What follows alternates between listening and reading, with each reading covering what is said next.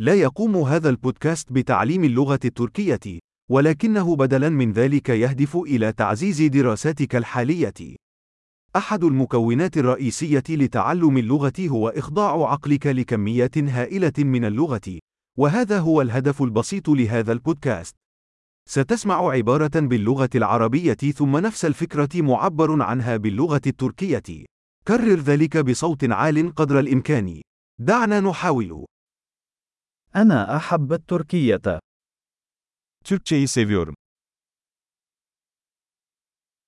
عظيم. كما يمكنك أن تقول بالفعل، نحن نستخدم تقنية تركيب الكلام الحديثة لتوليد الصوت.